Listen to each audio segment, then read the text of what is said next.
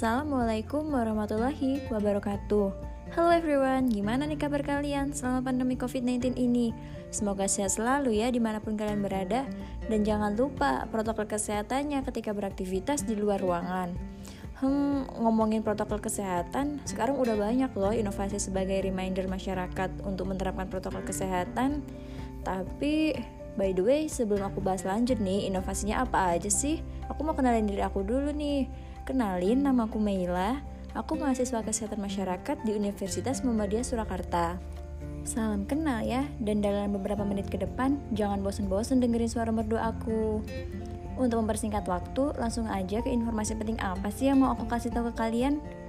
Uh, tahu nggak sih, sering berjalannya waktu, jumlah kasus COVID-19 di Indonesia semakin hari kian meningkat, sehingga dibutuhkan kerjasama untuk menekan angka penularan COVID-19 dari semua pihak, baik pemerintah hingga masyarakat.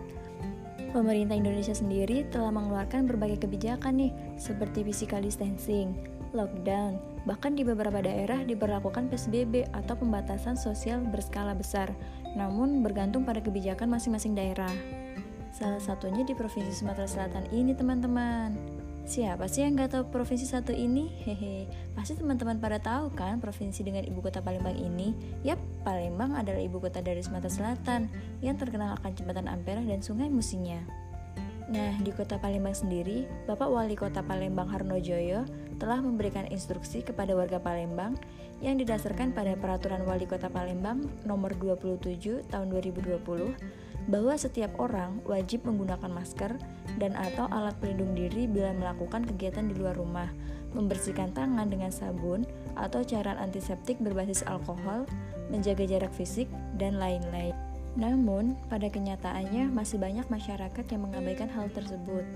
Salah satunya terjadi di Kampung Pandai 13 Ulu, Kelurahan 13 Ulu, Kecamatan Seberang Ulu 2, Palembang, Sumatera Selatan. Hmm, ada yang menarik nih teman-teman di kampung ini. Selain dinamakan Kampung Pandai, ternyata kampung ini juga terkenal loh dengan panggilan yang khas yaitu Kampung Arab. Tapi, walaupun namanya Kampung Arab, di dalamnya mayoritas penduduk lokal loh. Kampung Pandai ini juga terkenal sebagai kampung wisata di Palembang. Banyak masyarakat yang mengajak anak-anak mereka mengunjungi kampung ini untuk belajar bahasa Inggris, belajar mengaji, dan kegiatan belajar lainnya.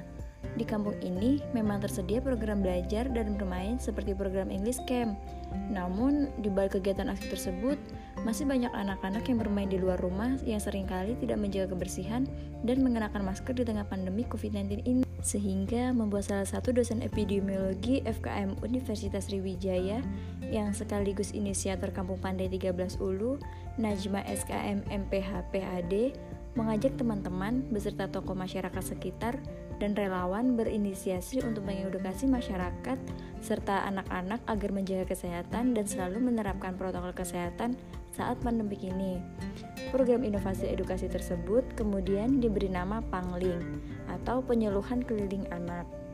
For your information, inovasi ini juga telah mendapatkan penghargaan Top 21 Inovasi Pelayanan Publik dengan Pemberdayaan Masyarakat oleh Kementerian Pemberdayaan Aparatur Negara dan Reformasi Birokrasi yang ditetapkan melalui SK Menteri Pan RB nomor 246 tahun 2020 loh. Wah, sangat menarik bukan? Kegiatan program Pangling itu sendiri apa aja sih? Nah, kegiatan ini tak hanya memberi edukasi terkait menjaga kesehatan pada saat pandemik, seperti jaga jarak, namun juga dilakukan pembagian masker. Anak-anak diajarin bermain dan belajar bersama. Ada fakta menarik saat kegiatan ini dilakukan.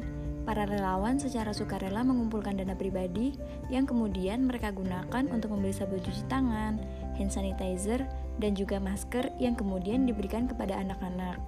Selain kegiatan tersebut, terdapat pula kegiatan edukasi kepada anak-anak untuk hidup bersih yang dilakukan melalui dongeng keliling.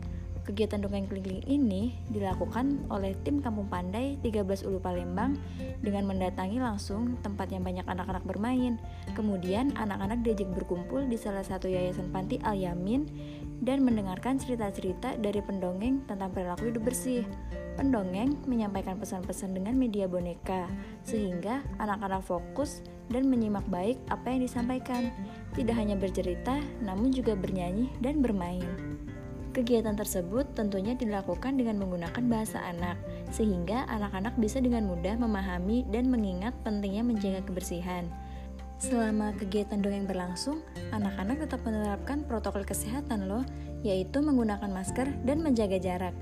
Jika teman-teman ingin melihat lebih lanjut aktivitas apa aja sih di Kampung Pandai 13 Ulu ini, teman-teman bisa langsung cek di Instagram at englishcamp underscore 13 Ulu.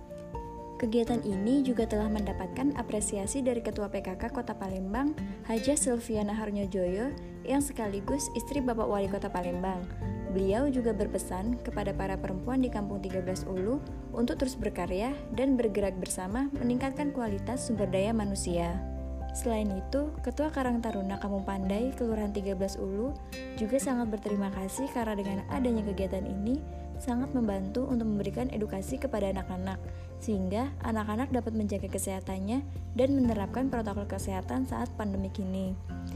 Evaluasi dari kegiatan ini yaitu kegiatan ini baru berfokus kepada anak-anak, sehingga perlu diperluas sasarannya. Nah, sangat menarik bukan inovasi pangling tersebut teman-teman? Semoga inovasi tersebut dapat juga diterapkan di daerah kalian masing-masing ya.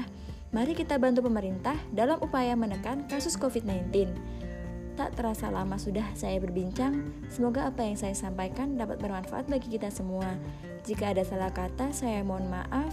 Sampai bertemu lagi di episode-episode berikutnya. Stay healthy and be safe guys. Wassalamualaikum warahmatullahi wabarakatuh.